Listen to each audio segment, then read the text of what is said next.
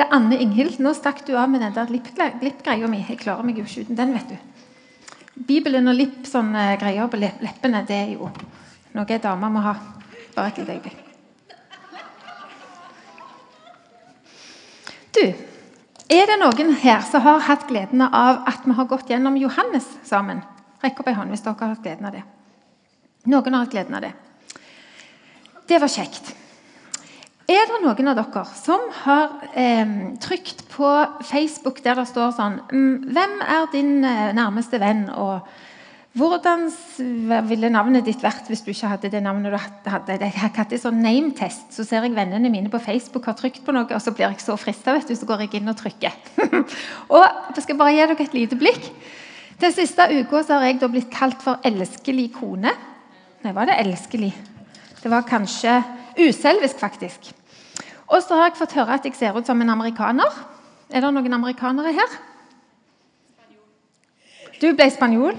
Eh, og så I tillegg står det hvem jeg ligner på. Og Da ligner jeg på ikke den broren min, men en annen bror som hadde på det bildet hatt og skjegg. Så de der name-test, de, Hvis dere ikke har prøvd de, får dere en god latter å gå inn på de. Jeg skal nå tale om Johannes. Noen vet hva kapittel? Ja, kapittel 12. Og Um, Jennifer, har vi klart disse tekstene på datteren? Ja, flott. Jeg, skal, du skal få beskjed etter hvert. Um, vi skal tale om Johannes 12, og jeg skal dele den i tre deler, så dere vet hvor lenge dere liksom sånn cirka kan eh, gå og ta kaffe etter hvert. Så del én eh, handler om noe som bl.a. lukter godt. Og så tenkte jeg at til vanlig så jobber jeg med med unger og den slags, og det blir jo alltid talene mine litt preg av. Så, Men dere voksne dere har en femåring inni dere dere òg. Nå lager jeg krøll på lyden. Unnskyld. Så jeg har tatt med duftlys fra kontoret. Jeg var ikke klar over at det var duftlys når jeg kjøpte de, men det er det jo. Jeg sitter i kontorlandskap oppe på IMI her, og der trenger vi litt lys. Eh, så jeg har med to duftlys. Kanskje dere kjenner det ute i salen, I don't know, men jeg prøver iallfall. Fordi at vi skal nå den første delen tenkte jeg skulle gjøre det litt lettere for dere å relatere til noe som lukter godt. Kan være dere kjenner det. Jeg vet ikke. Uansett. Vi skal få se på Johannes 12, vers 1 til 3. Dere kan være med meg og lese. Seks dager før påske kom Jesus til Betania, der Lasarus bodde, han som Jesus hadde vekket opp fra de døde. Der ble det holdt et festmåltid for ham. Martha vartet opp, og Lasarus var blant dem som lå til bords sammen med ham. Da kom Maria med et pund ekte, kostbar nardusalve, og med den salvet hun Jesu føtter og tørket dem med håret sitt. Hele huset ble fylt av duften. Sist søndag så talte jeg Lelling om når Lasarus ble vekket opp fra de døde. Og Dette er da altså eh, seks dager før påske, og de er sammen i Simon sitt hus. Eh, en spedalske som Jesus helbreda, for å feire og feste. Og Det er det grunn til når noen faktisk har stått opp fra de døde. Da er det grunn til fest.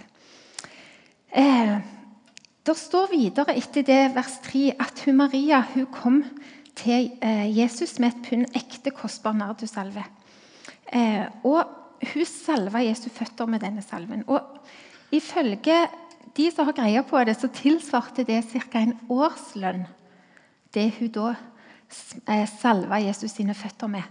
Og denne nardusalven leste jeg om da, på forhånd før denne talen. Det er en ekstremt kostbar salve og olje og parfyme på den tida som kommer fra roten av nardusplanten som vokser i Nord-India, ved foten av Himalaya. Og den kostbare salven. Hvis du tenker at du, Hvor mange her har flydd og så måtte levere inn sånne ting på flyet som er mer enn 100 milliliter? Hvis du tenker at ja, mange Det er altså 300-400 gram av denne her kostbare, dyre salven. Det er ganske mye mer enn disse her små 100 millilitrene som vi må levere inn. Det øste ut over Jesus. Og eh, Det ble faktisk forbundet med kongelukt. Og når jeg leste det, så tenkte jeg wow, det er så lite som er tilfeldig av det Gud finner på å gjøre. Fordi at eh, Dette var seks dager før påske. Eh, og jeg undrer meg på om denne lukta fortsatt satt på beina til Jesus. For han var så sterk at han fylte jo hele dette huset så til de grader. Så det var ikke bare litt grann. Men han ble så lukta så mye med dette til på om de så til slutt korsfesta Jesus ennå kunne kjenne lukta av denne nardusalven fordi at han var kongen.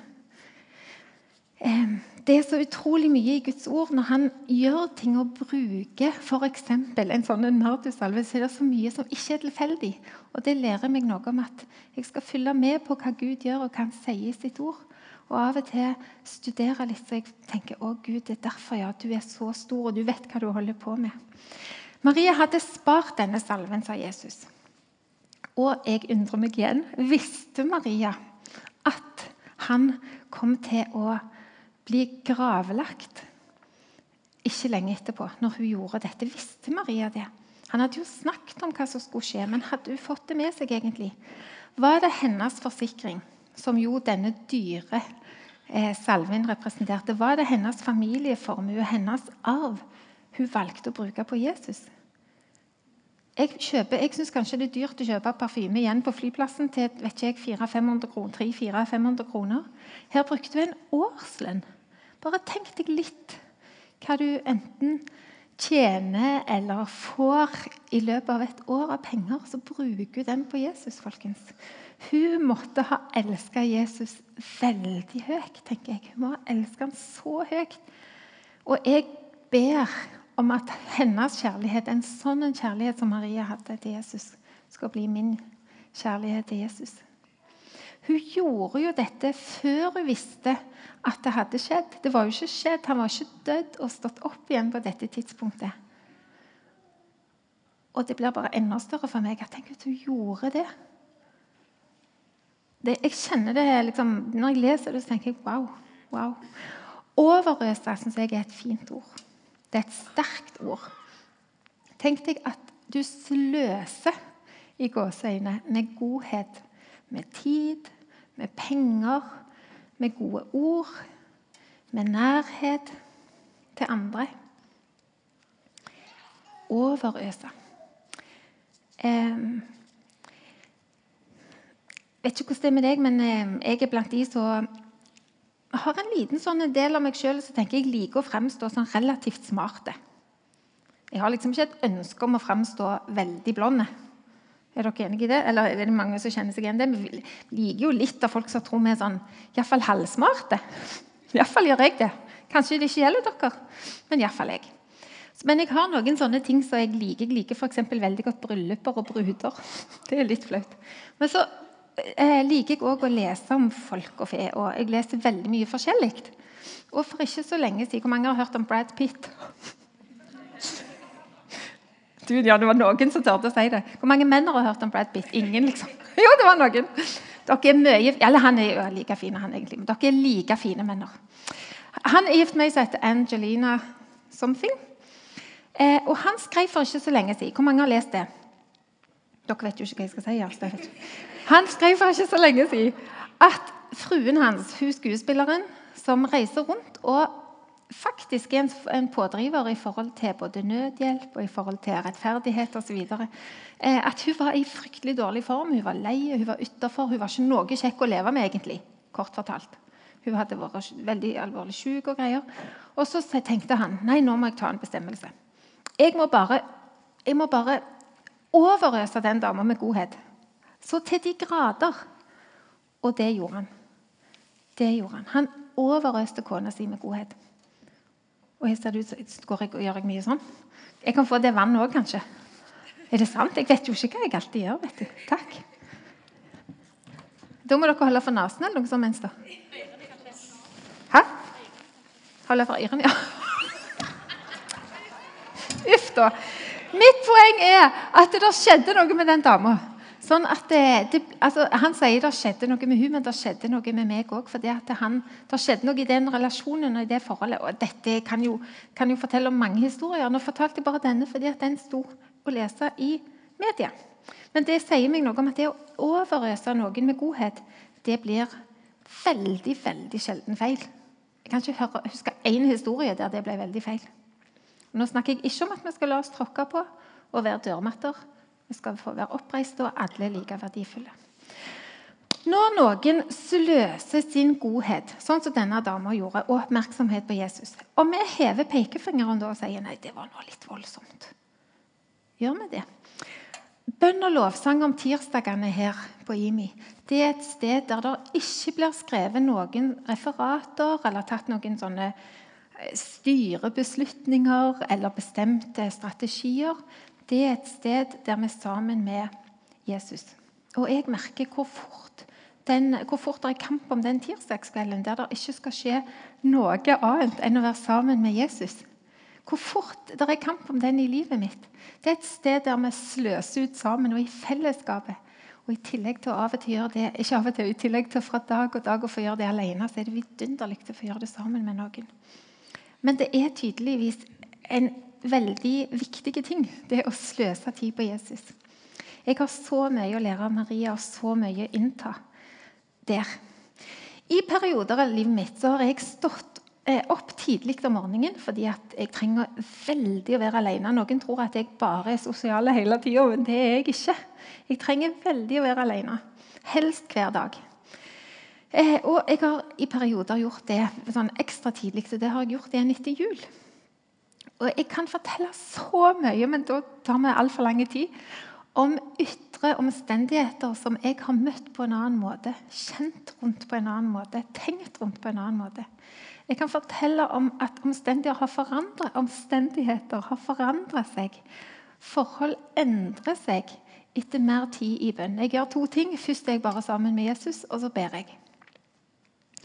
Eh, i, i, dag i min stille stund hjemme da, før jeg kom her, for jeg er i apostlenes gjerninger, blant annet, så leste jeg om at i den tida mellom påske og pinse som er nå, så står det at disiplene holdt seg trofast sammen i bønn.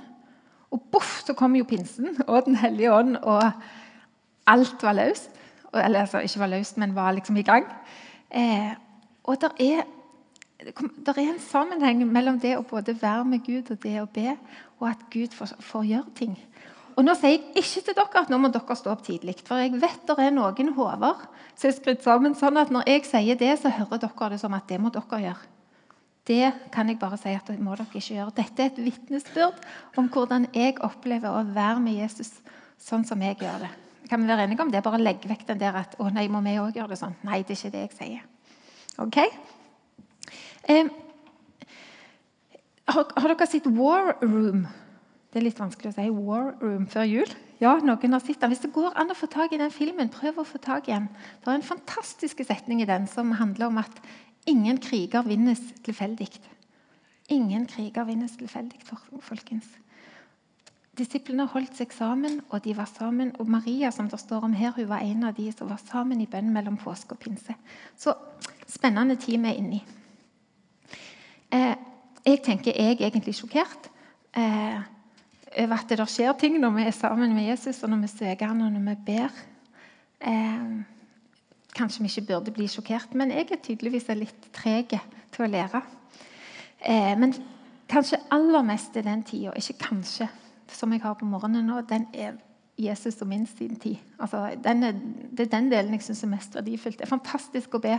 og liksom få bare gå rundt, Jeg går mye når jeg ber, og liksom få gi både folk og situasjoner til Gud, men først og fremst er det for å være sammen med Han. Og han er utrolig spennende å være sammen med. Eh, jeg jobber jo med barn og familie her på huset. Eh, og jeg er kjempeopptatt av eh, at barn og familier skal liksom både få det beste og bli disippelgjort, og at vi skal nå barn og familier i denne byen. Men det er jo ikke barn og familier jeg er mest glad i. Det er faktisk Jesus jeg er mest glad i. Det er han som er kjærligheten min og mitt kall. Jesus sier her i denne teksten at vi skal ikke glemme de fattige. For det er en som sier Ei, du skulle ikke brukt den der salven på Jesus. Du skulle gitt den til de fattige. Og det kan vi kanskje av og til tenke å, kan jeg bruke så mye tid på Jesus? Jeg burde jo heller drukke kaffe med hun. Prikk, prikk, prikk. Og så sier Jesus det er ikke det at du skal glemme hun, men hun har du alltid hos meg. Men vær sammen med meg, og elsk meg først og fremst. Nå eh, skal vi gå til del to. Er dere ferdig klar? så langt? Er, dere med, mener jeg, så langt? Ja, Veldig bra. Vi skal se på Johannes 12, vers 14-15. Jesus fant et esel og satte seg oppå det, slik det står skrevet. Vær ikke redd, datter Sion, se din konge kommer, ridende på en eselfole. Etter at Lasarus var stått opp fra de døde, etter at folk hadde stimla sammen for å, fordi de hadde hørt om dette, så ville nå overprestene drepe både Jesus og Lasarus. Ikke mye feiring der. Ikke mye feststemning blant de, gitt. De ville ikke bare drepe Jesus nå, men de ville til og med drepe Lasarus. Og mørket, folkens, mørket prøver som det alltid gjør, å kverke lyset. Mørket prøver alltid å kverke lyset. Døden prøver alltid å kverke livet, men til ingen nytte. Nå tenker jeg at vi, Hvis vi får det litt mørkere i salen, klarer vi det? Så skal jeg Må, må jeg rett og slett oppå her? Tenne dette lyset.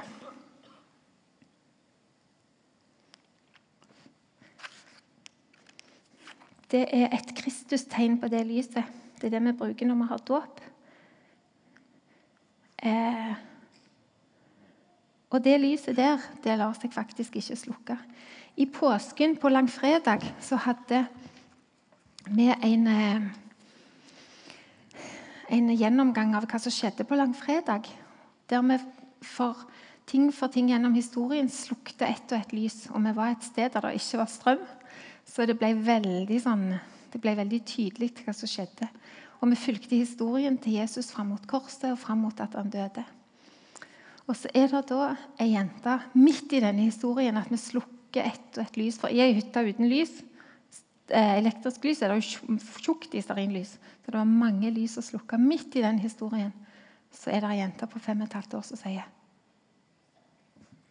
Jesus er jo verdens lys. Det hadde vi ikke snakket om. Jesus er jo verdens lys. Det var det lyset de prøvde å slukke. Men de klarte det ikke. Men en sånn aha-opplevelse. Jesus er verdens lys. De prøvde å drepe Jesus. De prøvde å kvitte seg med Jesus. Men han som sier han er lyset, han lar seg faktisk ikke kneble. Han lar seg faktisk ikke holde igjen, ikke engang av døden. Og Disiplene skjønte ikke Nå tror jeg du kan ta det sånn forsiktig opp igjen. Eh, disiplene skjønte jo ikke alt Jesus sa om at han skulle bli herliggjort og at han skulle dø.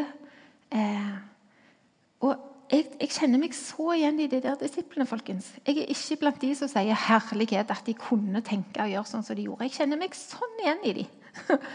og jeg, jeg, er så glad for at Gud har sagt at det er ungene sin tro vi skal lære av. Sånn som denne jenta som sa det er han som er verdens lys. Sånn at vi skjønner i det vi slukker lyset, at wow, det er Jesus det er snakk om.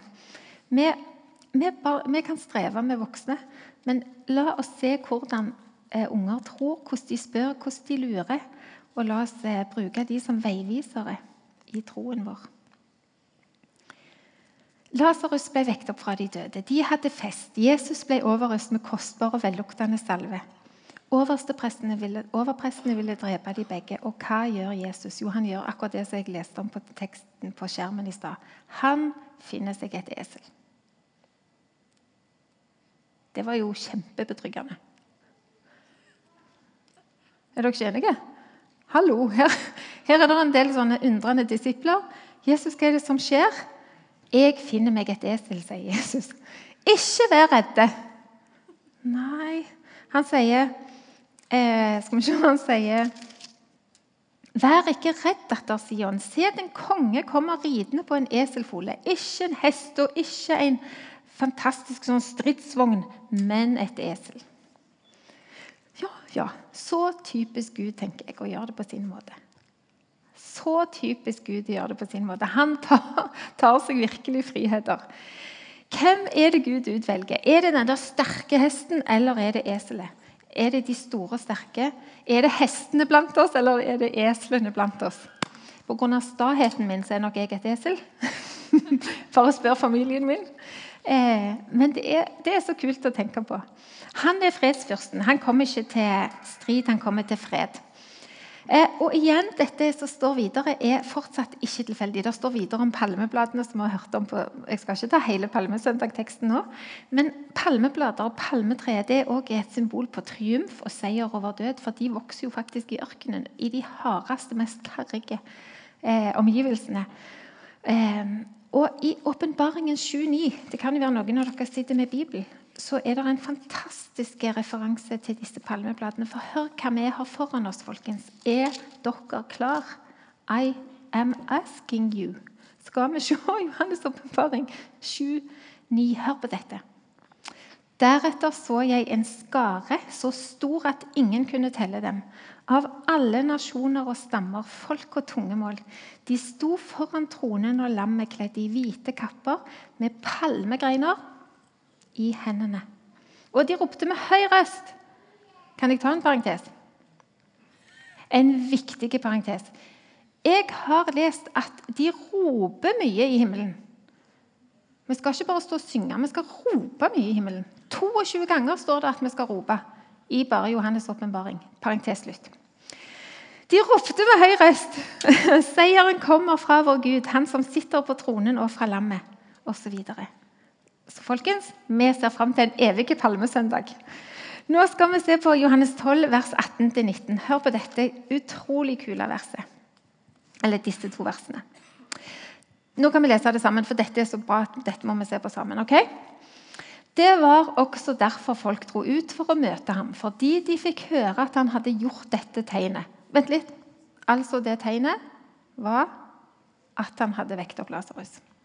Fariseerne sa da til hverandre.: Der ser dere at ingenting nytter. All verden løper etter ham. Er ikke det stilig skrevet?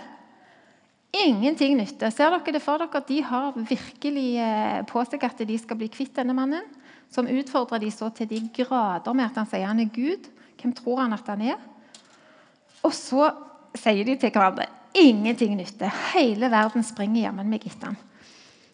Og jeg tenker den ustoppelige Jesus. Den ustoppelige Jesus. Vi har et uttrykk som vi kaller på engelsk da, 'mission unstoppable'. Og det er faktisk dette budskapet. Ingenting nytter mot han hvis ikke døden og djevelen klarte å holde han i grava. Hvorfor i all verden oppfører vi oss som at han er en vi liksom må eh, hjelpe litt og en som ikke helt har tro på kommer til å klare seg til slutt i dette samfunnet vårt og i denne moderne tida vi lever i i 2016.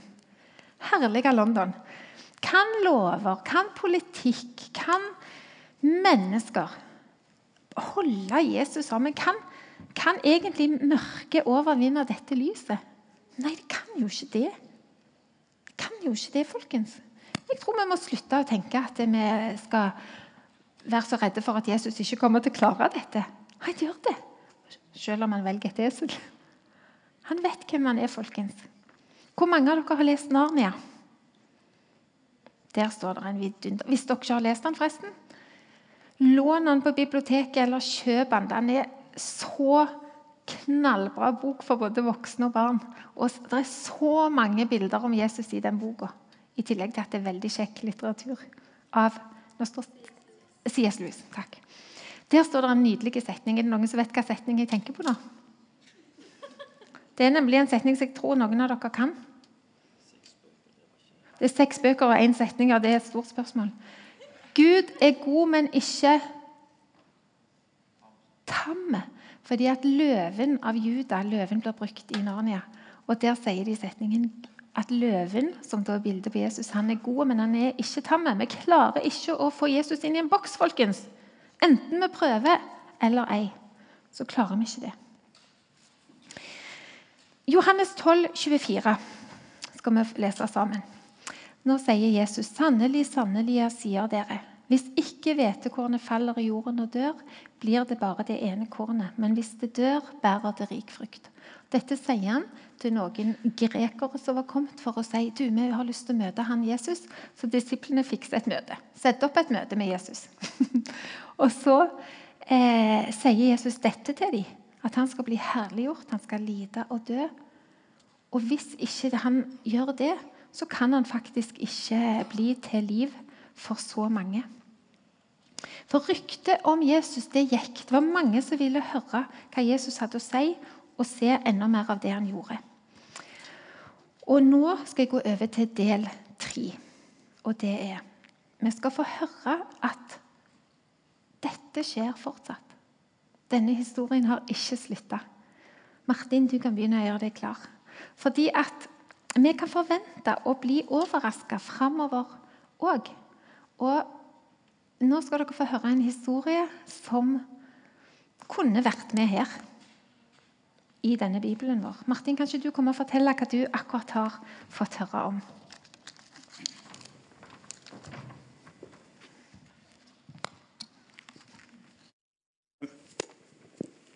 Jeg eh, har eh, en mentorgruppe av prester og pastorer som kommer fra forskjellige steder i landet. og En dag i begynnelsen av januar måned så, så sier han en av disse du Martin, det, skjer noe veldig rart borte hos oss. Og jeg eh, sier hva da? Og så sier han at eh, for noen dager siden, eller et par-tre uker siden så, så, ble jeg oppringt og måtte komme til sykehuset og møte en pasient der. Og så får han altså den mest utrolige historien som tenkes kan. For det at Rita Dette er skrevet i Menneskebladet, og det, hun også fortalt dette offentlig, så det er ingen, det er ingen hemmelighet. Eh, Rita ligger på sykehuset og ligger på det siste. Eh, er erklært eh, uhelbredelig, og legen har sagt vi kan ikke lenger eh, behandle deg fordi at det ikke er mer å gjøre for deg. Eh, og Sønnen, som da jobber i Molde, får beskjed om dette i Langesund. får beskjed om du må komme hvis du vil treffe mor di. Og Han eh, forsøker å få dette her til. Eh, og Legen sier du må komme nå, fordi at nå går hun inn i koma. Og hvis du vil snakke med henne, så må du eh, komme nå. Eh, så skjer det at eh, han kommer hjem, og, og mor da inn og ut av en sånn type bevissthet så, eh, så eh, er det dette onsdag 16. desember. Så forteller Rita eh, jeg oppdager at jeg plutselig står på sida av senga mi. Hun er da oppgitt av legene, hun har vært inn og ut av koma, og de regnet med at hun kunne dø hva tid som helst. Siste fase var hun kjørt i, i rullestol fordi hun ikke hadde krefter til å gå. Og så forteller Rita at jeg oppdager plutselig den onsdagen at jeg står på sida av senga mi. Og jeg synger sanger, kristne sanger jeg aldri har sunget, for jeg er ikke en kristen. Og Jeg forteller at jeg står med hendene lufta, og så synger jeg kristne sanger som jeg ikke kan teksten på. Og Så går hun ut i korridoren, så går hun nedover korridoren, syngende på disse sangene, som sagt som hun da ikke skal kunne. Og leger og sykepleiere er fullstendig sjokkerte, for de, dette, dette forstår de ikke. Og så ser de bare at Rita har blitt momentant helbredet. Det de ikke vet, det er at Kjetil eh, i denne perioden fra helga fram mot onsdag så er altså Kjetil som har hatt parkinson i ni år. Han er, er så fortvila over det sykdommen at han orker ikke mer. Men samtidig med dette så, så dør faren hans. Og han er så båndløst fortvila at han setter seg, forteller han hjemme, og så barberer han, og så sier han jeg vet ikke hva jeg skal gjøre, du må hjelpe meg. Og så Mens han sitter, så opplever han bare at det er noe av en Guds kraft som kommer og fyller han opp. Og som gjør at det som var av mørke, ble lys, og det som var fortvilelse, ble håp og fremtid. Og så får han høre om Rita, som da er mor til bestekameraten hans, nemlig han som er i Molde. Og Da er den opplevelsen for han så sterk at han går opp på sykehuset og så ber han for Rita. Og så sier han Gud, du må, du må gjøre mor til bestekameraten min frisk igjen, så hun ikke dør. Den onsdagen står Rita bokstavelig talt opp. Og De kaller han nå på sykehuset for Lasarus. Hun er nå i, til utredning på Rikshospitalet, for de vet ikke hva som har skjedd med henne. Samtidig med Kjetil, som da har hatt parkinson i ni år og vært julevisp fullstendig, er også nå nesten helbredet. Hvor jeg sitter og snakker med ham på onsdag og sier du, Kjetil, fortell meg hva, hva er det som skjer. Og så bare ler han seg. Nei, jeg vet ikke hva som har skjedd. Men Gud har berørt livet mitt på en sånn måte at når vi nå skulle male det gamle bedehuset i Langesund, så var det meg som teipa rundt alle vinduene. Og For den som har parkinson, er det normalt sett han du teiper. Det som er det interessante Derfor to reiste 15-16 stykker av staben bort til Langesund den siste onsdag. Fordi vi ønsker å se hva Gud gjør iblant mennesker. Jan Terje eh, han ble involvert i dette fordi at Rita sa jeg har sett inn i himmelen. Og jeg, eh, jeg har sett Jesus. Og så sier hun og så må dere få tak i presten Terje. Det er sognepresten i Langesund. Så sier Terje Jeg visste ikke hva jeg skulle gjøre, så jeg inviterte til møte i det gamle bedehuset i Langesund. Der kommer det altså 70-80 mennesker. Og de kommer for å høre vitnesbyrdet om hva Jesus gjør. For oss som var der nede sist onsdag og høre dette vitnesbyrdet, eh, blir en så sterk tale jeg har sagt om vår tids Lasers, men mer enn det om en Gud som ikke har gått ut på dato, men som griper inn i menneskers liv eh, med under, tegn og mirakler. Du kan bare ha den.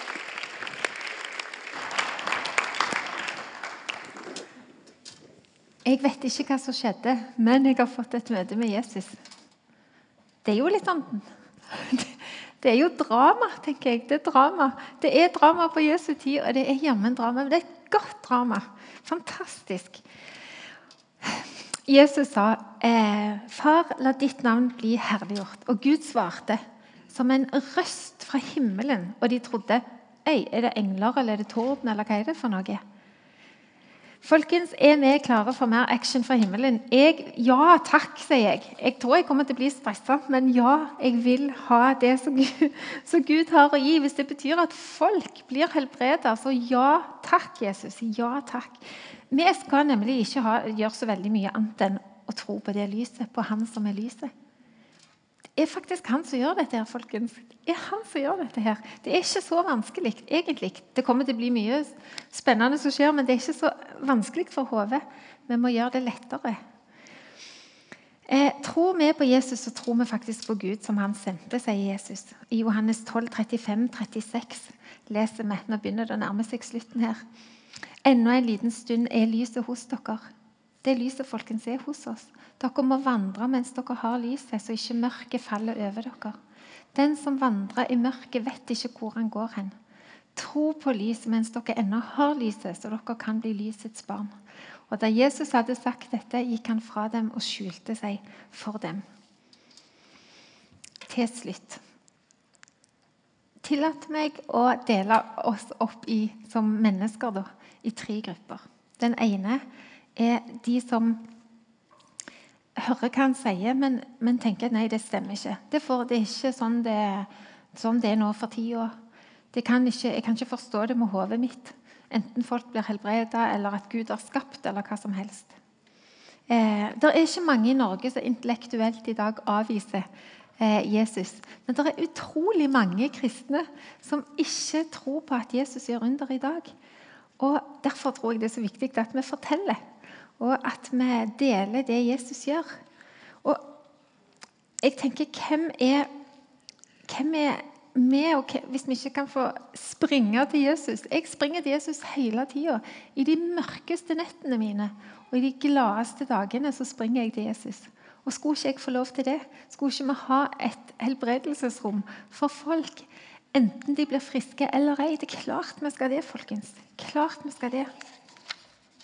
Den andre gruppa er de som faktisk trodde på han og trodde på at det han sa, var sant, men som feiga ut fordi de ikke ville bli uglesett av de smarte folka. Jeg vet ikke om det er fordi jeg begynner å bli litt gammel, men jeg gir mer og mer blaffen i hva folk tenker meg. Det er egentlig veldig fint. Ikke, det er litt sånn i samfunnet vårt at det gjelder om å være veldig unge, men la oss nå heller bli litt gamle, da. det er fint å bli litt gammel. Fordi at det er noe med å tenke ja vel, det er faktisk ikke teit å tro på Jesus. Det er faktisk ikke teit.